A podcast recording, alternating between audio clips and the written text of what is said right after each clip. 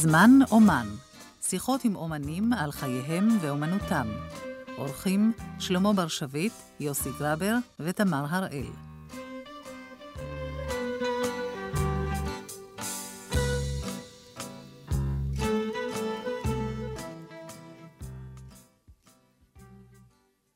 שלום חנן שניר. שלום רב. תגיד לי, מה אתה רצית להיות כשהיית קטן? מה חלמת להיות כשתהיה גדול? איזה שאלה קשה. אני לא, אני לא חושב ש... לא זכור לי שחלמתי על משהו, אה, על משהו ספציפי. ובטח לא תיאטרון. אה, לכן אני שואל, הנושא הזה, איך אנשים מגיעים לתיאטרון, הוא תמיד נורא מעניין אותי. אה, פתאום איזה ילד או אדם רגיל, פתאום אני מוצא אותו בתיאטרון. שייך פתאום למשפחה, המשפחה הלוחמת של השחקנים, הבמאים, המחזאים, אני אומר תמיד, איך זה התחיל? מאיפה? מאיפה היו השורשים? לכן אני שואל את השאלה הזאת. אצלי זה התחיל בגיל מאוד מאוחר. הייתי הולך לתיאטרון כי דוד שלי היה קופאי בהבימה. אתה מכיר אותו, כצל'ה. אה, ודאי, איזה איש מקסים. כן, אז uh, הייתי הולך הרבה להצגות, קיבלתי כרטיסי חינם. והיו כמה הצגות שראיתי כמה פעמים, אבל uh, ממש להחליט שאני הולך לתיאטרון, זה היה, אני חושב, שלפני שהגעתי, לפני שהלכתי לצבא, אולי גיל 17, משהו כזה. עד אז בכלל לא חשבתי על זה. הייתי מאוד רחוק מזה. הייתי ילד מאוד מופנם ומאוד ביישן, ו... ילד תל אביבי? ילד תל אביבי, כן. איזה בית ספר? אה, בית ספר עממי, בית ספר בר כוכבא. זה ליד שמר לוזורוב, דרך חיפה. אה, כן, כן, כן, כן. כן, ואחר כך למדתי בעירונית ד'. אבל אה, לא, אפילו בהצגות כמעט לא השתתפתי. איזה אומרת, מגמות? אה, אני הלכתי למגמה ריאלית, למדתי שנה אחת ועפתי. כן. ואחר כך עשיתי בגרות אקסטרנים. אני הגעתי למגמה ריאלית, אני אל תשאל אותי איך הגעתי. יכול להיות שכל החבר'ה הלכו, גם זה קורה. לא יודע, זאת אומרת, אני... לא, זה רק מראה שלא תמיד אתה יודע כשאתה צעיר אה, מה הכיוון שלך. לא היה לי שום רעיון מה הכיוון שלי. ובבית? מה, מה הבית, מה, בית פועלי, בית של סוחרים, איזה... בית... מה, מה עשו ההורים? אבי היה, אבי היה הרבה שנים בהגנה, זאת אומרת, אה, בתקופה הזאת, אה, וכש... טרום המדינה, וכשהוקם צה"ל, הוא חשב ללכת לצה"ל כי הוא היה מפקד גבוה בהגנה, ואז מצאו אצלו סכרת. והוא לא יכול לעשות את זה, ואז הוא הלך, והוא היה קצין הביטחון של בנק לאומי, היה ממונה על כל הביטחון של בנק לאומי בארץ בזמנו. המון אנשים והמון כלי נשק, אני ממש... אה, סוג כזה של עבודה. אה, מאוד המון נסיעות, להעביר כספים, דברים מהסוג הזה, אבל זו עבודה ביטחונית, אבל בבנק. אבל בית למשל, בית אומנותי, לא, מישהו ניגן, לא, מישהו שר, לא, שיחק, קרא לא, ספרים. לא, לא, כלום. הלכו לתיאטרון? לא, לא מי יודע מה הרבה, לא, אני לא, אפילו לא חושב שאפילו לא היה לנו בבית אה, פטיפון. לא היה. פשוט לא היה. היה רדיו, ואני, אבא שלי סיפר לי שכשהוא אה, שכר דירה, בדירה שאנחנו גרנו היו שני חדרים, שאחד מהם היה חדר של ההגנה. אז אנחנו גרנו ארבע נפשות בדירה של שני חדרים, אנחנו גרנו בחדר אחד, והחדר שלי היה משרד של ההגנה. ותמיד אני זוכר, זה היה משהו סודי כזה, זה אני לא... באמת, ב... ב בערבים יכולנו להסתובב שם, במשך היום זה היה משרד כזה. ואני עד היום לא זוכר בדיוק מה זה היה, אבל אני לא הבנתי אף פעם, איך זה יכול להיות שגרנו ארבעה אנשים בחדר אחד? לא זכרתי את, את, את העניין שחדר שני החדר של ההגנה. תמיד אסור היה לדבר משהו, מין דבר כזה. היית בתנועת נוער? הייתי ב... כן, הייתי בתנועה המאוחדת. וכן צפון. אחרי שגמרת בית ספר בצבא? הייתי בנחל. אמ, הגרעין שלי הלך לקיבוץ יטבתה. אני רציתי, אני חושב ששלב מסוים רציתי להיות שחקן. למה? אני לא יודע. אני לא יודע למה, אני גם אהבתי מאוד לשיר. רציתי להיות שחקן, והתקבלתי ללהקת הנחל.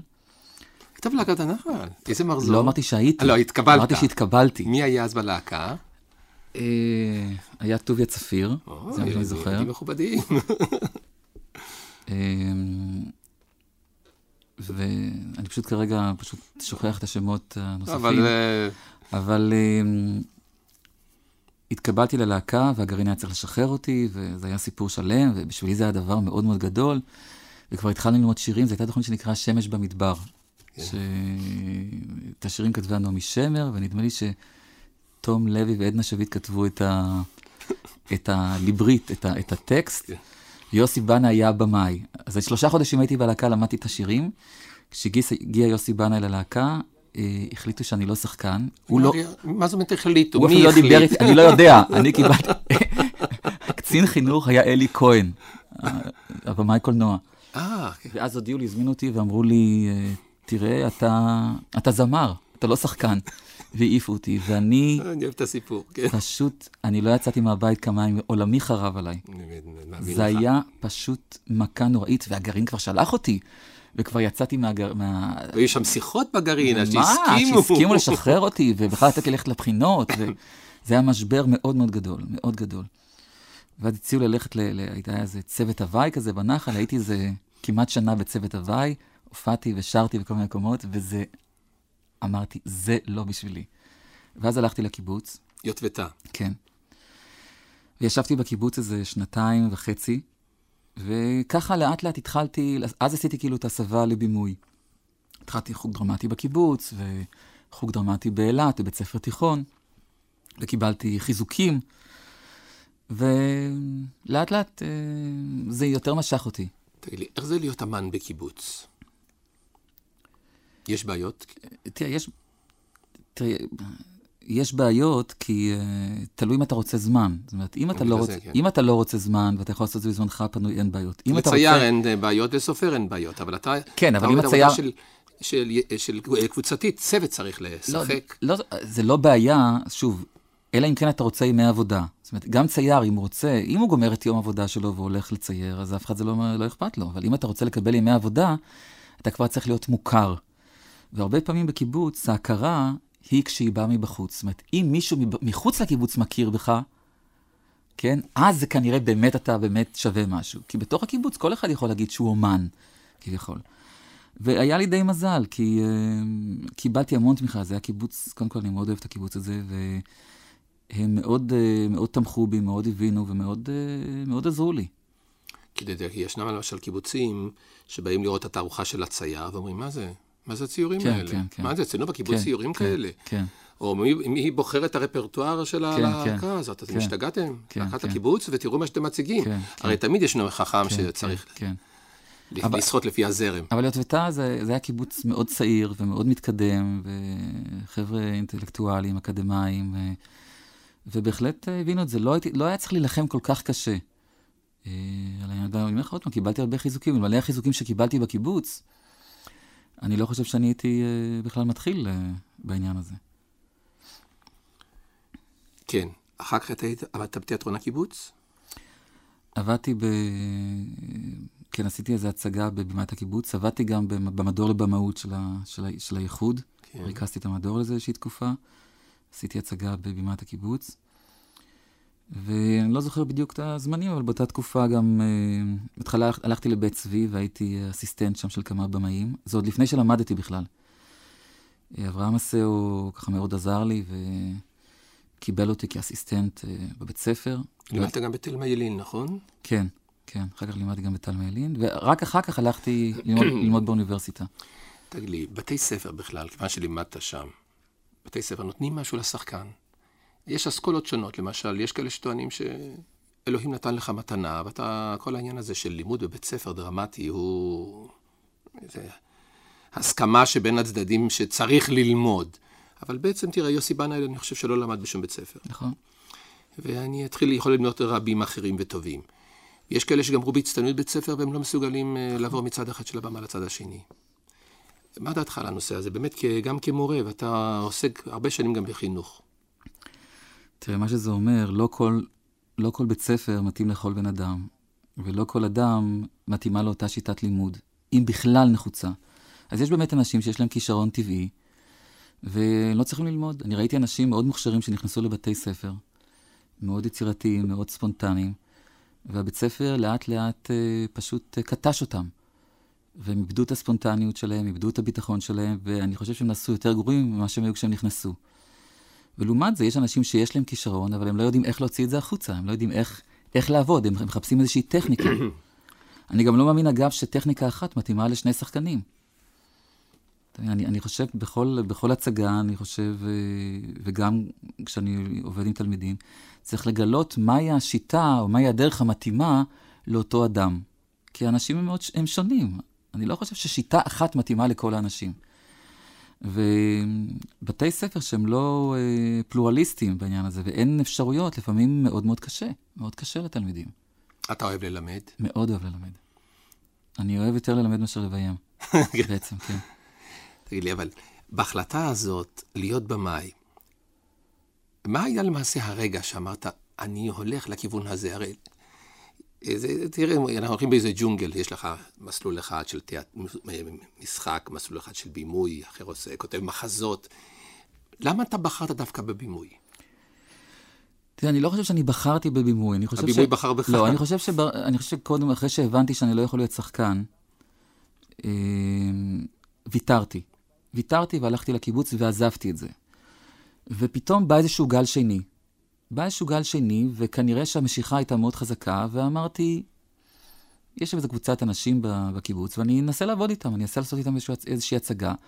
אני לא, חש... לא חשבתי בכיוון של להיות במאי מקצועי. התחלתי לעבוד ולביים את האנשים, והחיזוקים וה... שקיבלתי עם האנשים היו כל כך טובים, שזה עודד אותי להמשיך. אבל לא ידעתי שזה מה שאני רוצה לעשות. במת הקיבוץ עושה מחזות מיוחדים שמאופיינים לקיבוץ? יש רפרטואר בכלל שצריך, שקיב... שאנשי הקיבוץ צריכים לעלות? אני מתכוון לתיאטרון מגויס יותר. זאת אומרת, אה, אתה שואל, למה למשל קבוצת אנשי קיבוץ צריכה במה משלה? יש לה אמירה משלה, יש לה אמירה מיוחדת, יש איזה נושאים שמעניינים חברי קיבוץ. אני לפעמים מסתכל על הרפרטואר ואני אומר, אה, הדבר המייחד אותם, שהם בערב נוסעים כל אחד לקיבוץ שלו כן. לישון. יש בכלל מקום לבמה קיבוצית מיוחדת? תשמע, אני לא יודע, אני לא יכול לענות לך על זה, כיוון שאני כבר מרוחק אה, למעלה מ-20 שנה מהתקופה הזאת, ואני לא יודע היום אפילו מה, מה קורה. יש מקום לבמה כזאת אם היא נותנת קודם כל ביטוי ל, ליוצרים שבה. זאת אומרת, אם יש אנשים, חברי קיבוץ, שרוצים לשחק, או מרגישים שהם צריכים לשחק, זה נותן להם אפשרות להישאר חברי קיבוץ, כי זאת בעיה לפעמים, אה, להישאר חברי קיבוץ, אה, וגם לעסוק במקצועם. ושאלה שנייה זה שאלת הרפרטואר. בעניין הזה אני באמת לא יודע, זה באמת קשה מאוד, אה, זה קשה להגיד אם יש מחזות שמתאימים במיוחד אה, לחברי קיבוץ, אני לא יודע. אני לא יודע. אתה יודע, יש לי חבר, הוגו ירדן, אתה מכיר אותו? בטח, מצוין. ואני משחק איתו עכשיו בהצגה, ואני מתאר לעצמי שבסידור עבודה הוא כתוב, צד המכשפות, כן, הוא נסע, נוסע, וכל ערב הוא חוזר, או כל בוקר לחזרה, כן, כן. ולמעשה הוא, אני חושב שהוא לא עובד בקיבוץ, אז אני שאלתי אותו, למה אתה חי כן, בקיבוץ? כן. לא קיבלתי תשובה מלאה. כן. כי המילה אידיאולוגיה היום היא כבר לא כל כך סחורה עוברת לסוחר. כן. במקרה של לוגו למשל, אה, זה כמו אה, לגור בהרצליה ולעבוד בתל אביב. זאת אומרת, למען האמת, אני לא הייתי עוזב את הקיבוץ אלמלא הוא היה כל כך רחוק. זאת אומרת, פשוט, בשבילי לנסוע ליוטבתה זה היה אה, בסוף שבוע לעלות על מטוס, וגם, אז גם לא הייתה לי משפחה בקיבוץ, לא הייתה לי סיבה אה, לחזור לקיבוץ כל סוף שבוע. לפעמים הייתי צריך להישאר בתל אביב, לעבוד עם... כי, כי, כי כשעבדתי בתיאטרון באר שבע עדיין הייתי חבר קיבוץ. אני בפועל הייתי חבר קיבוץ 11 שנה. זאת אומרת, גם כשעבדתי בתיאטרון באר שבע הייתי עדיין חבר קיבוץ בהתחלה. זה פשוט פיזית היה מאוד מאוד קשה, הנסיעות האלה, וגם לאט לאט נותק הקשר, אה, אבל מאוד מאוד בהדרגה. אבל אני הייתי ממשיך להישאר חבר קיבוץ. תגיד לי, הנוף של הנגב, הצבעים, הריחות, המרחבים, השפיעו עליך? זה אצלנו, אצלנו זה לא בדיוק נגב, זה ערבה. ערבה, כן. אני בטוח שהכל, אתה יודע, אני בטוח שהכל משפיע. כן? כמו האמירה הבנאלית שהאדם הוא תבנית של נוף מולדתו. כן. הכל, אה, הכל באיזשהו מקום נחרט בך. אתה ב-1970 מגיע ללונדון. כנראה, כן. כמו שאומרים, בערך. כן. בירת התיאטרון, אפשר לומר, העולמי. כן, כן. איך משפיעה עליך הפגישה, ילד תל אביבי, מיוטבתה, שמגיע פתאום לתיאטרון האנגלי? תראה, קשה להגיד שהגעתי לתיאטרון האנגלי, אני הגעתי... אה, אני הגעתי כי אחרי שלמדתי בתל אביב, באוניברסיטה, רציתי ללמוד, אז בתקופה ההיא לא היה בדיוק מסלולי בימוי, ו... רציתי ללמוד בימוי באנגליה, ובדיוק כשהגעתי ל- לראדה, התברר שביטלו את המגמה הזאת. ואז החלטתי שאני רוצה ללמוד uh, ניהול במה. ואז לא קיבלו אותי. זה סיפור קצת ארוך, שלא ניכנס אליו עכשיו, אבל uh, התקופה הראשונה הייתה די קשה. אני הייתי גם באותה תקופה, גם הייתי שליח של הבונים. כי הייתי, הייתי מטעם הקיבוץ והייתי במין מצב של חצי שליחות. חצי שליחות וחצי uh, לימודים. ועבדתי עם נוער uh, יהודי שהיה מתעתד לעלות ארצה, עבדתי בלונדון ובברייטון. אחר כך, במשך הזמן, בסוף קיבלו אותי, אה, אה, למס, הם, הם ארגנו לי כביכול מסלול מיוחד ב, ברעדה אה, של שני שלישים בעצם. ותוך כמה זמן הם הציעו לי להישאר שם כאסיסטנט, ואחר כך נתנו לי לביים שם וללמד. זה היה ככה, התהליך של ההשתלבות היה איטי מאוד, אבל מאוד נהניתי בלונדון.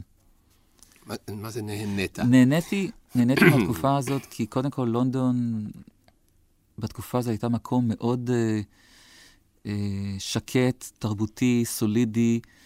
אה, זה לא הייתה עיר סואנת כמו ניו יורק למשל, שהגעתי אליה אחרי איזה ארבע שנים, הגעתי לניו יורק והייתי בהלם. פשוט הייתי בהלם.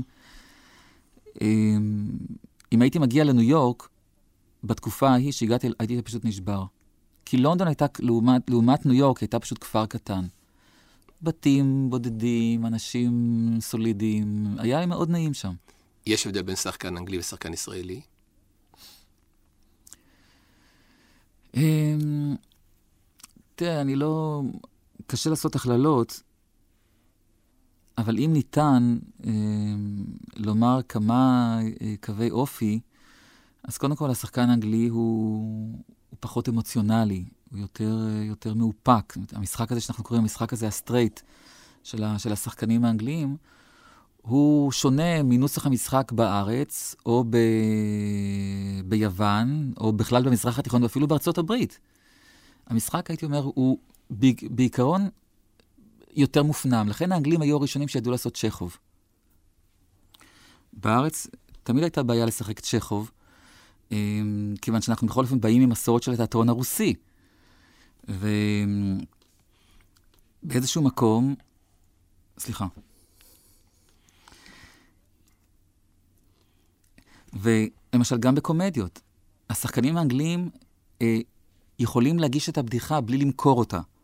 זאת אומרת, סוג המשחק, המשחק הזה יותר, יותר straight, שהם הם לא, הם לא, הם לא שולחים קדימה, הם לא מנסים למכור, הם לא משחקים בשביל הקהל.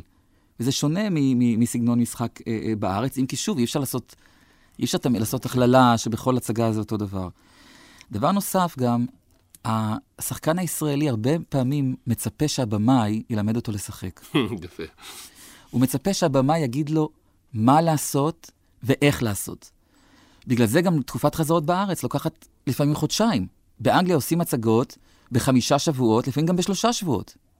חוץ מהעובדה שזה גם יק... שמשלמים uh, על, פי, על, על, על, על, על, כל שבוע של חזרות, לא מצפים, זאת אומרת, הבמה יוצר איזושהי סקיצה כללית של ההצגה, הוא מאיר כמה הערות של כיוון, אבל הוא לא מלמד את השחקן איך לשחק, כפי שהמנצח בתזמורת לא מלמד את הכנר איך להחזיק את הכינור. זאת אומרת, אם איזשהו מנצח יגיד לכנר, תשמע, תחזיק את הכינור ככה או לא אחרת, הכנר מאוד ייעלב. אז למה אנחנו, השחקנים הישראלים, זקוקים כל כך לעזרה? גם כי אני עושה, אני עושה הכללות כאן, אבל רוב השחקנים באמת זקוקים, אתה יודע, אני ראיינתי הרבה שחקנים. שישבו פה ממול, ממול על הכיסא שלך, ושאלתי, אתה זקוק לבמאי? 80 אחוז אמרו, כן, בלי במאי אני אעבוד. בלי במאי אני... אני אבוד. אני אבוד, זקוק כן. לבמאי. כן. למה? למה אנחנו כאלה? אנחנו, בגלל בתי הספר שאנחנו לא לומדים נכון, עצם אולי יש לנו משהו, איזה מום מלידה, אני לא יודע, הגנים שלנו אחרים. תראה, שוב אני אומר, זה, זה כנראה סגנון שאנחנו הבאנו אותו מרוסיה. התקופה של סטניסלבסקי ווכטנגו והמורים הגדולים, כי הבמאים ברוסיה, הבמים הגדולים היו מורים למשחק. והם לימדו את אומנות המשחק, ובאיזשהו מקום זה עבר לבמאים. אתה היית בסטודיו כאילו. בשעה ש, ש, שבאנגליה הבמאים לא היו בהכרח מורים למשחק, הם היו, הם היו במאים, והגישה שלהם ל, ל, ל, ל, לעיצוב הצגה הייתה יותר דומה, במידה מסוימת, לגישה של מנצח שבא לנצח על... Uh, על uh, קונצרט או אפילו על אופרה באיזשהו מקום. אתה עבדת עם פיטר ברוק, נכון? לא עבדתי עם פיטר ברוק, הייתי אה, מין סטודנט, uh, סטודנט אה, משקיף בחזרות שלו. מה מיוחד? אני שואל עכשיו בתור שחקן סקרן. מה המיוחד? אני מעריץ גדול שלו. כן. ת- פיטר ברוק הוא, הוא למשל, הוא לא עובד כמורה למשחק ב, ב, בצורה הזאת שאני, שאני מדבר עליה, אבל הוא למשל לוקח הרבה יותר זמן לחזרות. הוא לא היה מסכים לעשות חזרה, הצגה ב, ב, בתקופה שאני הכרתי אותו. אולי פעם הוא היה מוכרח לעשות, לעבוד ככה. לעש, לעשות הצגה בתקופת חזרות אה, קצרה, כיוון שהוא היה עושה הרבה מאוד ניסיונות. והוא היה לוקח לו את הזמן לעשות את ההתנסויות האלה עם השחקנים, אבל גם כן היה נותן להם הרבה פעמים לעבוד לבד. לפעמים היה הולך ומעיר איזושהי הערה קטנה, תמיד בשקט אגב. כל ההערות שלו על השחקנים לא היו זה. היה ניגש למישהו, אומר לו באוזן איזושהי הערה קטנה, והשחקן אה, ממשיך לעבוד. אני לא זוכר שאי פעם שמעתי אה, איזשהו אה, ויכוח, גם, גם די מרוחק, הייתי אומר, קצת קר בעבודה עם אנשים.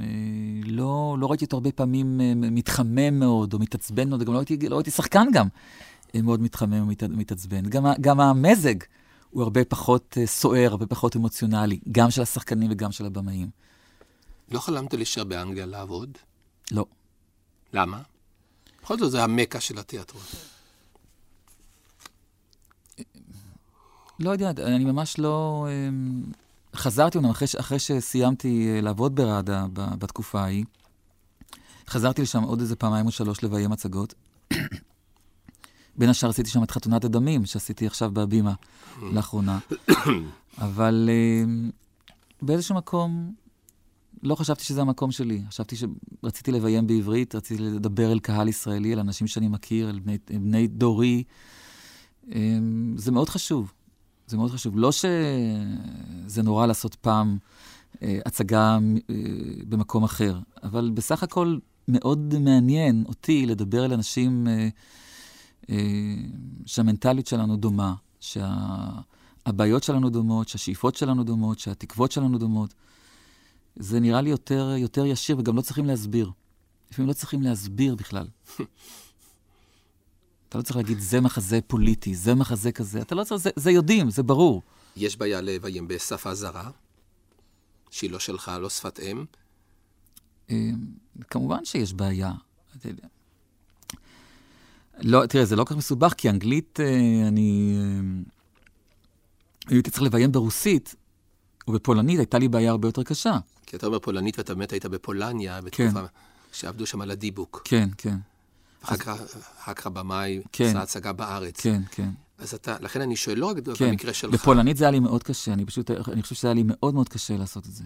אבל באנגלית, בכל אופן, שפה שאני מדבר, אני, מכ- אני, אני מכיר את הניואנסים, אני לא יודע אם הייתי יכול להדריך בדיוק שחקן שידבר במבטא אירי או מבטא וולשי, כן? אני לא הייתי יודע איך לעשות את זה. אבל הייתי, אני יכול להבדיל בין אמת ושקר. כן? אני יכול לה- להרגיש את הטמפו הכללי של ההצגה. זה אתה, אני חושב שאתה יכול להבדיל בכל שפה. כן, כן, יכול להיות, אבל אה, אני חושב שיותר קשה כמובן, אבל אה, כנראה שיש אנשים שעושים את זה. אני, לי לא יצא לביים בשפה שאני לא מבין מילה. היית רוצה שאני אשמיע לך משהו מאיזה musical אנגלי? יש לי כאן, מאחורי יש, אתה רואה, קיר שלם מלא, תקליטים, כל לא ה musicals. במיוחד, אני לא מת על musicals. איזשהו מחזה, קטע שחקן אנגלי שהיית רוצה לשמוע מונולוג שלו?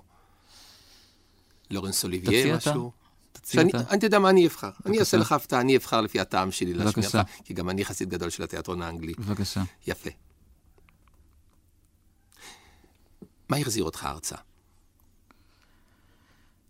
אמ, הצעת עבודה זה קצת, ממשית? זה קצת, יהיה לך- זה קצת נשמע מוזר, אבל אמ, כשהייתי באנגליה, כשלימדתי בראדה, נפגשתי יום אחד עם שייקה ויינברג. זה היה בתקופה בדיוק שהוא עזב את הקאמרי. והוא בא אליי ואומר לי, תגיד לי, מה אתה עושה באנגליה? לא שלא הייתי חשבתי לחזור ממילא, אבל אמרתי לי, מה אתה עושה? בארץ אין במאים בארץ, תבוא לארץ. זאת אומרת, בקאמרי, אתה יודע, אני עכשיו מתחלף, ואורי עופר נכנס, בחור נחמד, אתה תכיר אותו, אבל תבוא, תבוא לארץ, צריך, צריך במאים.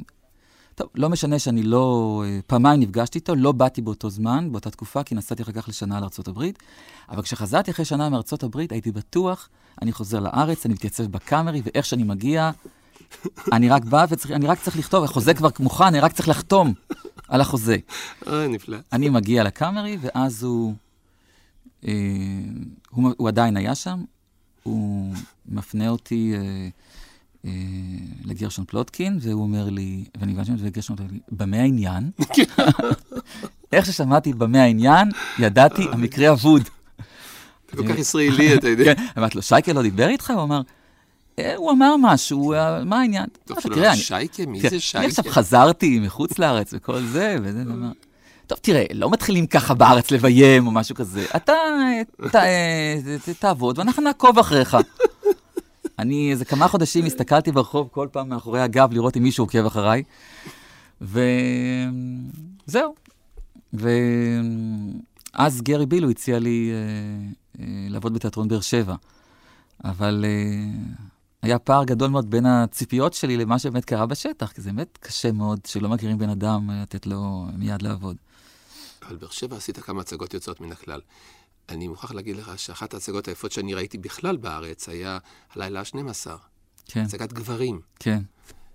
איך אתה עלית לרעיון הזה? תראה, לא עליתי על הרעיון, זה היה, זה לא שאני ישבתי בבית ואמרתי, איך אני אעשה, ואני אעשה את זה רק עם גברים. אני... זה היה חלק מתהליך העבודה, כי התחלתי, לא התחלתי עם גברים, אני התחלתי את ההצגה בעצם עם קאסט אה, רגיל, אה, נורמלי במרכאות, אה, עם תפאורה נורמלית אה, במרכאות, ובתוך כדי העבודה, אחרי שבועיים, אני ראיתי שאני פשוט במבוי סתום. אני לא יודע מה אני עושה, זה לא מעניין אותי, הרגשתי שטעיתי. והייתה לי, אה, היו לי שתי אפשרות אחת, הייתה לי להמשיך את, ה, את, ה, את ההצגה כמו שאני, להמשיך את זה כיוון שכבר התחייבתי, כבר היה תאריך וכבר היו גם שחקניות וכבר הייתה תפאורה. ולא יכולתי לעשות את זה. זו הייתה תקופה מאוד מאוד קשה, ואני החלטתי אחרי שבועיים, הפסקתי את החזרות, ולא ישנתי לילה שלם, גרתי אז באיזשהו בית מלון, אני הסתגרתי, נדמה לי שהסתגרתי איזה 20-24 שעות במלון, לא יצאתי משם. ואז הגעתי למסקנה שהדרך היחידה שאני יכול לעשות את זה ותעניין אותי, זה לעשות את זה רק עם גברים. היה שם דורון תבורי, שיחק שם את, אה, את סבסטיאן, את האח של ויולה, ואמרתי, הוא יעשה את ויולה. הוא היה ממש, זה היה התפקיד הראשון הגדול שלו, והשני אולי, וזה נראה לי כל כך נכון שהוא יעשה את זה, שהחלטתי לשנות את כל הקונספציה, ואז הוגו ירדן, שהזכרנו אותו, שיחק את מריה. אריאל פורמן שיחק. אריאל פורמן, כן, שיחק. את אוליביה. אך יפה, כן. הוא היה אישה נאה מאוד. ולמעשה לא הייתה תפאורה בכלל, זרקנו את כל התפאורה, כי גם לא קיבלנו תקציב לתפאורה חדשה, ועשינו את זה ממש עם, עם השאריות, עם השלד של התפאורה הקודמת, אה, בלי שום דבר. הש- השחקנים הביאו מהבית ג'ינסים, וככה זה היה, אבל זה לא היה דבר שאתה יודע, מראש איזושהי, זה היה דבר שתוך כדי החזרות, מתוך, הייתי אומר, איזשהו חוסר מוצא. לפעמים ה- ה- היצירות הגדולות וגם ההמצאות הגדולות קורות לפעמים מתוך איזשהו חוסר מוצא, מתוך זה שאתה תקוע, ופתאום אתה מוצא איזושהי דרך. חנן, איך אתה בוחר מחזה? מה מביא אותך למשל לבחור נניח מחזה X ולא Y או אחר, שאותו אתה רוצה לביים? קודם כל, המחזה צריך לדבר אליי, הוא צריך... אה, הוא צריך לדבר אל... קודם כל, הוא צריך לדבר אליי. אני לא חושב... המחשבה הראשונה שלי לא אם זה ידבר אל הקהל, עם קהל זה או אחר. הוא צריך לעניין אותי. זה לא משנה, מהבחינה האנושית, מהבחינה הפוליטית, מהבחינה המוסרית, או שזה סתם מצחיק אותי. זאת אומרת, אם אני קורא מחזה והוא מאוד מאוד אה, מצחיק אותי, ואני צוחק, אני אומר, אני לא חושב זה יעבוד אצל קהל, אני אומר, משעשע אותי לקרוא את זה, ישעשע אותי לעשות את זה. או הנושא שהמחזה מעלה אה, אה, נוגע לי, אני מרגיש שהוא רלוונטי אליי. אם זה רלוונטי בשבילי, אני מאוד מקווה שזה יהיה רלוונטי גם לאנשים אחרים, ולכן לכן זה חשוב. למשל, אני לא יודע למשל מה מעניין בדיוק את הקהל האנגלי. אבל בארץ, התחושה שלי שאם יש עוד אנשים כמוני בארץ שמתחבטים באותן בעיות, שעוברים את מה שגם אני עובר בארץ, אז יכול להיות שאני אוכל איכשהו להגיע אליהם. כי אני, אני, אתה, אז, אתה עושה איזושהי היפותזה שאתה מקווה שמה שמעניין אותך יעניין גם אדם אחר, שיש לה בעצם את אותו עניין כמו שלך. זה כמו שסרטר אמר, ב, אה, נדמה לי בספרות מהי, שכותב, שאלו אותו למי הוא כותב, אז הוא אומר, הוא כותב לעצמו, בתקווה... לבין דמותו, לעצמו, שנמצא אי שם בין קהל הקוראים. וככה אני גם, כשאני מביים, אני בעצם מביים בשביל מישהו כמוני שיושב בקהל ויש לו את אותו אה, חוש הומור שלי, את אותה רגישות שלי, ככה אני מקווה. יש איזה מחזאים שהם קרובים ללבך. תראה, אני לא, אני לא חושב שהייתי אומר שיש לי איזה שהן פרות קדושות, שמחזאי זה או אחר אה, מחזאי זה מישהו יותר מאחרים. בדרך כלל יש נטייה יותר למחזות, אם אני יכול לבחור, יותר למחזות קאמרים, למרות שעשיתי גם דברים לא קאמרים בחיים שלי. אה, אני מאוד אוהב צ'כוב, מאוד אוהב צ'כוב. אמ, אבל אני לא יודע, אני לא יכול להגיד לך כרגע, אני אוהב לעשות גם דברים שלא עשיתי. זאת אומרת, אם אני, נגיד שאני עשיתי איזשהו צ'כו וזה הצליח, אז הם ישר אומרים לי, אה, תעשה עוד צ'כו וזה לא מעניין אותי. כי את זה כבר אני יודע לעשות. אני אוהב לעשות משהו שאני לא יודע, אני אוהב את, ה, את, ה, את, ה, את הפחד הזה. אני גם מתחיל כל הצגה כאילו שאני באמת מרגיש, זה לא משחק שאני באמת לא יודע לביים.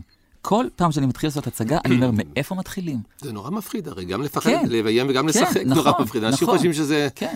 מה שאתה משחק יותר כן, מביים יותר, כן. אתה מפחד יותר. ובעיקר שאתה כבר עשית הצגה כזאת. זאת אומרת, אם עשית צ'כוב, אומרים לך, או, עכשיו הוא יודע לעשות את צ'כוב. יש סיפור של אלן שניידר, אמריקאי, על במאי מתחיל, שהוא מנסה להשיג עבודה, והוא הולך לתיאטרונים, ושום מקום לא נותנים לו עבודה. אה, כי הוא לא, הוא לא הוכיח את עצמו, אף אחד לא ראה אותו מביים, איך יודעים שהוא יכול לביים? ומתדפק על דלתות, עד שבסוף נותנים לו לעשות איזה פארסה צרפתית מטופשת. והוא עושה את זה, והוא עושה את זה פנטסטי. ומאז כל מה שמציעים לו לעשות זה פארסות צרפתיות מטופשות, כי את זה הוא יודע לעשות. כן. אני חושב שיש משהו מאוד uh, מרענן בהצגה הראשונה שאתה עושה, נגיד באותו סגנון. ברגע שהסגנון כבר ידוע לך, אני חושב שהעבודה היא כבר פחות מעניינת. ככה, ככה לפחות מבחינתי זה נראה. אני שואל שאלה שאולי מסוכנת, והיא עם הכללה גדולה מאוד, על המחזאים הישראלים. יש מחזאות ישראלית? עובדה. אה, למשל, אה, עובדה, עובדה, אבל אה, ישנם נשארו, אתה יודע, יש הרגשה כמובן שישנם שניים, שלושה, היה ניסים אלוני, שהוא, אני חושב שהוא הגדול המחזאים שהיה לנו. אני חושב, חנוך לוין, כמובן, הלל מיטלפונקט. סובול. סובול. אני ברגע זה לא המון, איזה שלושה, ארבעה. בר יוסף. בר יוסף, כמובן.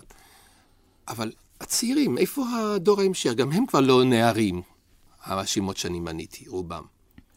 תראה, אין בארץ הרבה כותבים. אין הרבה כותבים. אבל אני אגיד לך את האמת שגם באנגליה אין היום הרבה כותבים. אין משהו, אה, בעשור האחרון, אה, היה תקופות שבאנגליה היה דור חדש של, של, אה, של אה, מחזאים אה, שכתבו, בפולניה המון אה, מחזאים צעירים אה, שכתבו. בארצות הברית הייתה כן, תקופה. אבל uh, אני, אני חושב שבכל העולם יש בעיה של מחזאות היום. וגם, תראה, גם מחזאי כותב מאיזשהו כורח. עכשיו, ניתן היה לחשוב שבארץ, okay. כשאנחנו נמצאים בתוך איזשהו סיר לחץ, שיהיה צורך מאוד מאוד גדול לכתוב. ועובדה שרוב המחזאים הישראלים לא כותבים על בעיות, של, על בעיות, של, של, בעיות קיומיות היום. פעם כתבו יותר. היום רוב המחזאים הישראלים לא כותבים על בעיות שבארץ, כולם כותבים על איזה מקום רחוק אחר. חוזרים לגטו, חוזרים אה, לפולניה, כן? מעט מאוד אנשים, אם תסתכל, כותבים על בעיות שלנו, וכנראה שזה דורש יותר פרספקטיבה. אולי הם מפחדים שהקהל יגיב בצורה קשה. תראה, סובול ניסה איזה כן, מחז... כן. סוג מסוים של מחזות לענות לצרכים היומיומיים, מה שקוראים רלוונטיים, מירכאות. ואתה זוכר את התגובה שהייתה לתיאטרון מחיפה, אז הוא התחיל לכתוב על uh, שפינוזה ועל כל מיני נושאים רחוקים, אולי בגלל התגובה, שאנחנו לא סובלנים. אני לא, לא חושב. מסוגלים... דווקא שפינוזה במק... במקרה זה, דווקא הוא, אפשר להגיד שהוא מחזה פוליטי בכל אופן. הוא עוסק בכל אופן בבעיה, למרות שה... שזה איזשהו משל, אבל הוא, בכל אופן, שפינוזה עוסק בבעיה של הפרדת דת ומדינה, דבר שבעצם אנחנו עוסקים בו היום. כן, אבל גם סובל יצא להתרחק לשפינוזה, כן, ופחד כן. שהחבר'ה בג'ינס ייכנסו וייכנס כ... מתנחל עם זקן. כנראה שנחוץ הריחוק הזה. תראה, אנחנו לא יכולים להתחרות היום באמצעי התקשורת.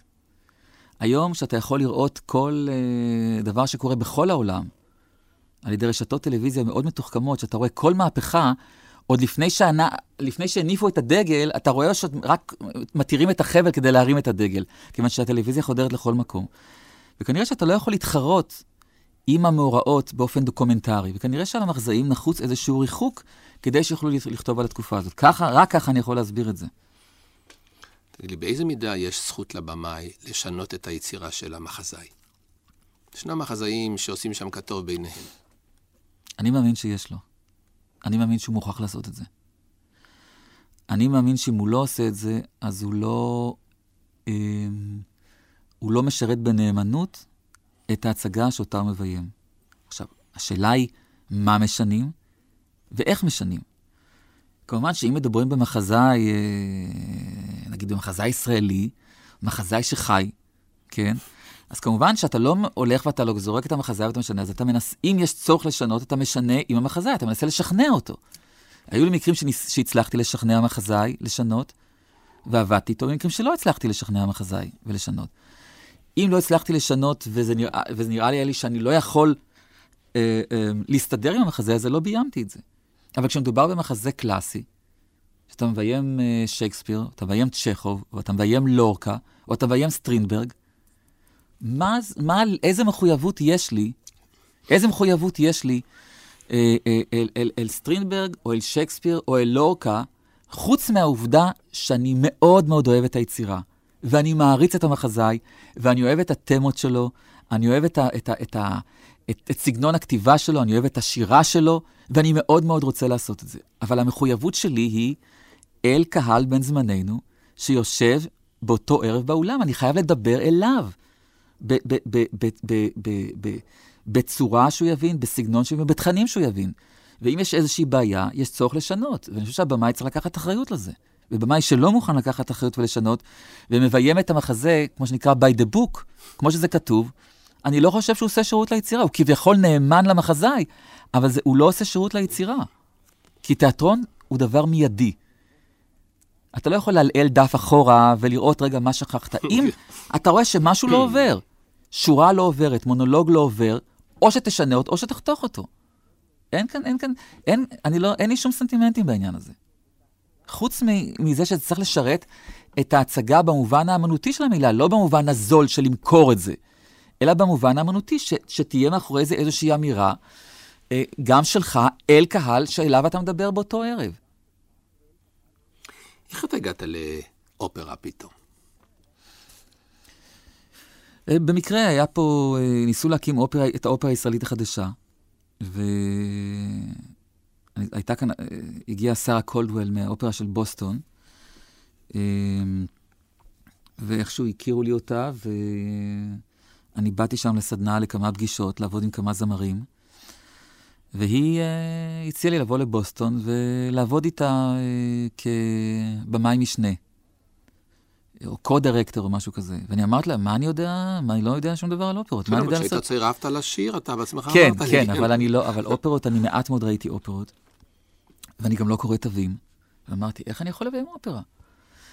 והיא אמרה לי, יהיה בסדר, כשהגעתי לבוסטון, ואחרי אופרה שנייה, היא אמרה לי, אתה יכול לביים? איך היא אמרה לי?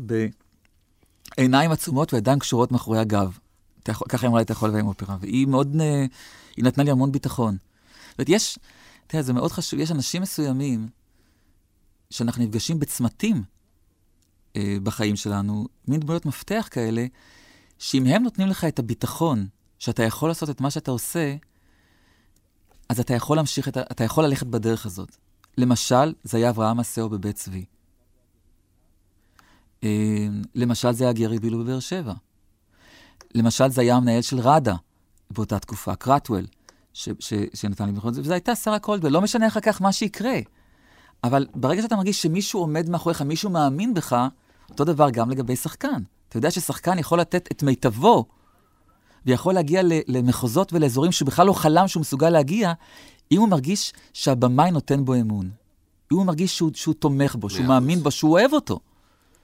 ובסך הכל, אה, לא צריך להתבייש להגיד את המילה הזאת, ש, ש, שהשחקן צריך לקבל אהבה. ואז, ואז, ואז הוא באמת נפתח, ואם השחקן מרגיש מאוים, אם מרגיש שחושדים בו, אם מרגיש ש...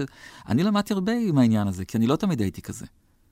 אני לא הייתי נותן הרבה פעמים קומפלימנטים לשחקנים, אני תמיד הייתי, לא היה לי זמן, אתה יודע, שרושמים הערות, אז אין זמן להגיד דברים טובים, אומרים רק את הדברים הרעים, כי אתה אומר שהדברים הטובים זה מובן מאליו.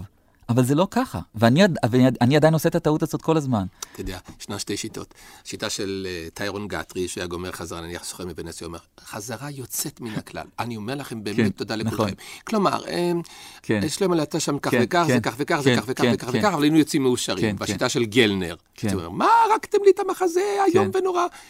כלומר, היה מומנט לא רע אצלך, כן, שלא כן. ימלא, וגם אתה עשית את הקטע הטוב, כן. אז זכרנו שהיה אסון גדול. כן. וזה הבדל תהומי, למרות שזה אותו, למעשה כן, התוצאה היא נכון. אותה תוצאה. נכון, נכון. תגיד לי, יש הבדל כשאתה עובד למשל עם זמרים שצריכים לשחק, או עם שח... בשחקנים שצריכים לשחק? כי אצלם, תראה, כן. המוזיקה מכתיבה כן. קצב מסוים, לפעמים יש בעיות של נשימה, כן, כל מיני בעיות. כן, תראה, עם זמרים, זה כמו שאמרתי לך קודם, בעניין אה, התזמורת, הדוגמה שנתתי לך לגבי המנצח והתזמורת, זמרים אה, אה, בסקאלה הזאת יותר קרובים לנגנים. קודם כל, הם באים מוכנים. הם מכירים את התפקיד בעל פה. הם למדו אותו, הת, התפקיד כתוב, האינטונציה שלו כתובה. יש אה, דברים שצריכים לשנות, אבל זה כתוב הכל בתווים. רוב זמרי האופרה, בדרך כלל, כבר שרו את התפקיד הזה במקום אחר. עם במאי אחר, בתפיסה אחרת לגמרי. עכשיו, אפילו אם יש לך תפיסה אחרת לגמרי, השחקן כבר מכיר את הדמות שהוא עושה. עכשיו, אתה יכול כמובן לשנות, ואתה גם משנה, אם יש צורך.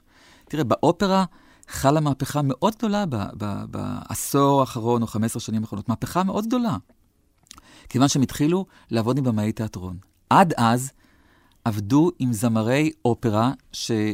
בכירים, שהסכינו וכבר איבדו את ה... כבר לא יכלו לשיר, והם היו אלה שהיו מביימים, איך הם היו מביימים? הם היו מנסים לשחזר את האופרה שהם שרו בה בתקופתם. כשהיו צעירים. ככה זה היה, וכל האופרות נראו אותו דבר, שחזור של אה, אופרות קודמות. היו עומדים באמצע, כן, נכון. גדולים ושמנים, כן. כן, גדולים ושמנים, זו דוגמה טובה. היום, משחקים. היום, היום משחקים. היום הזמרים משחקים. היום הזמרים פתוחים לעבודה, וגם תקופת החזרות יותר ארוכה. תראה, באופרה יש כלל, כמה שאתה יותר גדול, ככה אתה עובד פחות. זאת אומרת, אם עושים חזרות על אופרה שלושה שבועות, אז המקהלה עובדת שבועיים. שחקני, הזמרי המשנה עובדים שבוע, והזמרים הגדולים הגדולים עובדים שלושה ימים אחרונים. כן. של... ו- וכמה שאתה יותר סטאר, אתה יכול להרשות את עצמך לבוא אפילו ביום האחרון, כי אתה כבר מכיר את התפקיד. והם עושים בסופו של דבר גם מה שהם רוצים, הרבה מאוד פעמים. אבל היום כבר יותר ויותר בתי אופרות מבינים שהם רוצים לעשות הפקות מעניינות ומרתקות ולחדש, שתקופת החזרות צריכה להיות יותר ארוכה. מה אתה ביימת בבוסטון? אה, אני לא ביימתי באופן עצמאי, אני עבדתי כבמאי משנה של שרה קולדוול, עבדתי על שתי אופרות, זה היה אה, טורנדוט אה, של פוצ'יני ו... ודון ג'ובאני. של מוצרט. כן, ובארץ? בארץ ביימתי את. האופרה הראשונה שביימתי, זו הייתה האופרה הראשונה במתכונת של האופרה הישראלית החדשה, עם כל חבלי הלידה המאוד קשים. זה היה דידו ואנאס של פרסל. והאופרה השנייה שעשיתי זה טבעת החנק, שעכשיו אנחנו מחדשים אותה פעם שלישית כבר. זה, זה כבר חידוש שלישי שלה. להשמיע לך משהו? איזושהי אופרה? אני אוהב אה, אופרות. אתה יכול להשמיע לי אולי את ה... את, אה, אולי את הקינה של, זה לא שמעתי את זה מזמן, את הקינה של, אה, של דידו, מדידו ואנאס. בבקשה.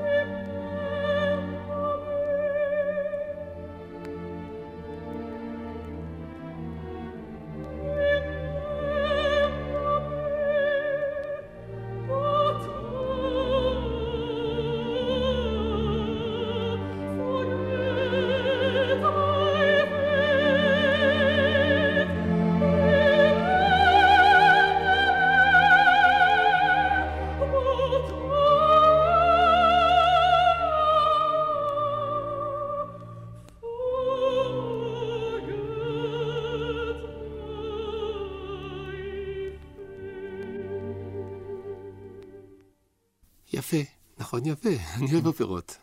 אתה יודע איזה אופרה הכי אהובה עליי? אתה לא תאמין. קרמן. כל כך בנאלי, כל כך פשוט, סיפור נהדר, מוזיקה משגעת, נהדרת. משגעת. כן. אבל הנה תראה, אפרופו לשנות, אז פיטר ברוק, שהוא עשה את, אה, את קרמן, הוא שינה את האופרה. הוא שינה בטקסט, הוא שינה את סדר השירים, הוא עשה שינוי מאוד משמעותי, והוא... זה, זה לא מבטל את האפשרות האחרת. אבל ת, אני אגיד לך, עצם העובדה שאתה משנה ואתה יוצר תבנית אחרת או קונספציה אחרת, כבר יש בזה משהו מרענן, כבר יש בזה אנרגיה. זאת אומרת, לדעתי, עדיף, עדיף לשנות, לא משנה אם השינוי הוא טוב או רע, ובלבד לא לעשות אותו דבר, כי באותו דבר יש סטגנציה. אתה חוזר על אותו דבר, אין אנרגיה, אין לך גם שום אתגר. אתה לא, אתה, אתה לא רוצה הרי להוכיח שום דבר. כשאתה, אה, כשאת- כשאתה מביים, יש לך איזו קונספציה בראש, ההצגה היא ההוכחה של הקונספציה. אז אתה, אתה צריך להשקיע המון אנרגיה כדי להוכיח שזה עובד. ובעצם ההוכחה הזאת טמונה המון אנרגיה, המון כוח. תראה, אני ראיתי איזה שמונה המלטים, ושיחקתי באחד מהם. ואף הצגה לא דומה לשנייה. אף קונספציה לא דומה לשנייה. השחקנים, ההמלטים לא דומים אחד לשני. אז זה, וזה לא להאמין שזו אותה יצירה, שאתה קיבלת אותו כתב יד, שכולם החזיקו אותו. כבר 400 שנה כולם מחזיקים אותו סיפור, ואחד לא דומה לשני. נכון. זה דבר מדהים, וזה אתה- זה היופי שבדבר. נכון, נכון. עכשיו, תגיד לי, מה זה פסיכודרמה? תתייחס אליי בסובלנות, אני לא יודע מה זה. תסביר לי בכמה מילים. אה, פסיכודרמה היא שיטה אה, של טיפול קבוצתי. ש- שיטה של טיפול קבוצתי, שבעצם מי שטבע את המונח הזה, ואבי השיטה זה אה, יהודי בשם יעקב לוי מורנו, אה, שנדמה לי שמוצאו רומני. זה אה, מההשכלה? זה תקופת לא, ההשכלה? לא, לא, לא, לא, זה? לא, זה מצלצל. תחילת המאה, קצת יותר. והוא אה, חי אחר כך בווינה, אה, גם בתקופה של פרויד, אה, ואחר כך הגיע לארה"ב, ושם למעשה פיתח את, ה, את השיטה הזאת, והיא שיטה שבעיקרה, כמו שאמרתי קודם, שיטה של טיפול קבוצתי, זאת אומרת שכל כל ה... זה לא חייב להיות דווקא לאנשים uh, שהם uh, חולי נפש, זה, לאנשים שיכולים להיות לגמרי נורמליים, נעורוטים כמו שכולנו בעצם. uh, מה שמיוחד בה היא שבמקום שאתה מדבר על הבעיה, אתה מציג אותה. במקום שאתה בא ואתה מספר לפסיכולוג, תראה, יש לי בעיה כזאת וכזאת וכזאת, אתמול קרה לי כדבר כזה וכזה וכזה, אז במקום זה, המנחה או הבמאי הפסיכולוג יגיד, תראה לי. ויש במה, ויש קהל, ואתה, לצורך ה... כדי להראות, את הדמ...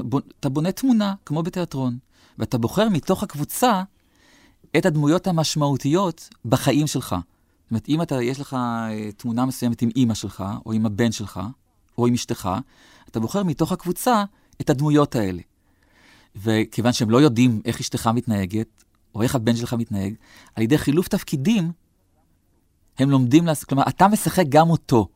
ואז ה, ה, זה שאתה בחרת, לומד איך לעשות את זה. והוא חוזר אחריך, כן, ב, ב, בשיטה של, של, של uh, חילוף תפקידים. מה ו... המטרה בכל העסק הזה? תראה, המטרה, כמו בכל... לפתוח את האנשים. תראה, תראה, לפתוח, לפי דעתי, זאת לא... אני אולי... לא, לא, לא, לא, לא, זה תמיד... לפתוח היא לא מטרה, זה, זה למה לפתוח? זה תהליך. מתי אתה, אתה רוצה לפתוח בטן של מישהו סתם? כן. איזה טעם יש לפתוח? לפתוח צריך לעשות, אם צריך לעשות ניתוח. אז לאן רוצה, אתה רוצה להגיע? שינוי. שינוי. זאת אומרת, אם אתה, לא אני, לא אני הבמאי או המנחה, אם אתה חושב שאתה צריך לשנות משהו בחיים שלך, ואתה בא לקבוצה כזאת, זאת אומרת, יש לך בעיה מסוימת עם התפקוד שלך עם עצמך, התפקוד שלך עם הילדים שלך, התפקוד שלך עם אשתך בבית, כן? יש לך בעיה, אתה לא, אתה, אתה לא מסוגל לעשות, ואתה רוצה לשנות את זה. אז, אז מה, ש, מה, ש, מה שאנחנו עושים, אנחנו פשוט מנסים לעזור לך לשנות את מה שאתה רוצה לשנות בכיוון שאתה רוצה לשנות. והפסיכודרמה נותן לך אפשר, אפשרות לעשות על זה חזרה. זאת אומרת, קוראים לפסיכודרמה גם חזרה לחיים. אתה, אתה יכול לנסות לה, לה, להעלות בדעתך שינוי מסוים, ולנסות אותו עם ולעיני אנשים אחרים. ואז אתה באמת רואה אם, אם זה מתאים לך או לא. עכשיו, זה לא דבר שעובד כהוקוס פוקוס פעם, בפעם אחת, אבל לפעמים פגישה אחת יכולה, בגלל עצם האינטנסיביות של העבודה, וגם המצב המאוד מאוד ספונטני ויצירתי שבו אתה נמצא, כי זה, זה תהליך מאוד יצירתי, כי אתה לא נמצא רק בראש, כפי שאתה נמצא כשאתה מדבר עם מישהו, כולך משתתף, הגוף שלך משתתף, האמוציות משתתפות אה, מאוד חזק, גם אנשים אחרים משתתפים.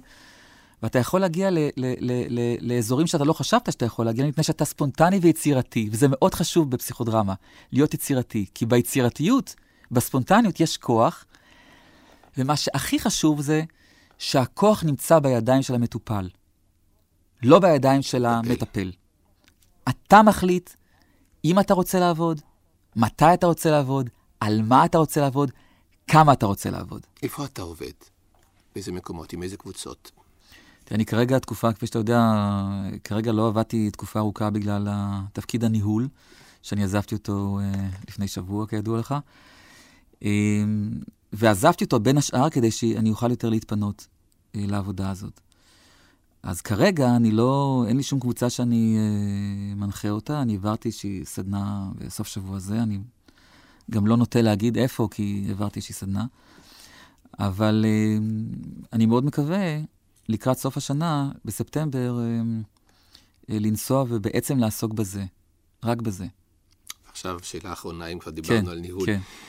כעיקרון, אמנים יוצרים צריכים לנהל, שחקנים, סופרים, אני יודע, מחזאים, במאים, צריכים לנהל או, או ליצור. כל אחד בשטח שלו. להגיד צריך זו מילה, אני יודע מה, אני, אני יכול להגיד רק על עצמי. אני בכוונה... אבל כן, לא, אני, תשמע, אני חושב ש... לדעתי זה מאוד רצוי. אני אהיה כן איתך. מאוד רצוי שדווקא אדם יוצר ייקח פסק זמן וינהל. כיוון שאני חושב שאדם יוצר יכול לנהל יותר טוב, ויכול גם ללמוד הרבה מאוד, כן? מעצם העובדה שהוא יושב מצד שני של המתרס. אותי זה לימד הרבה מאוד.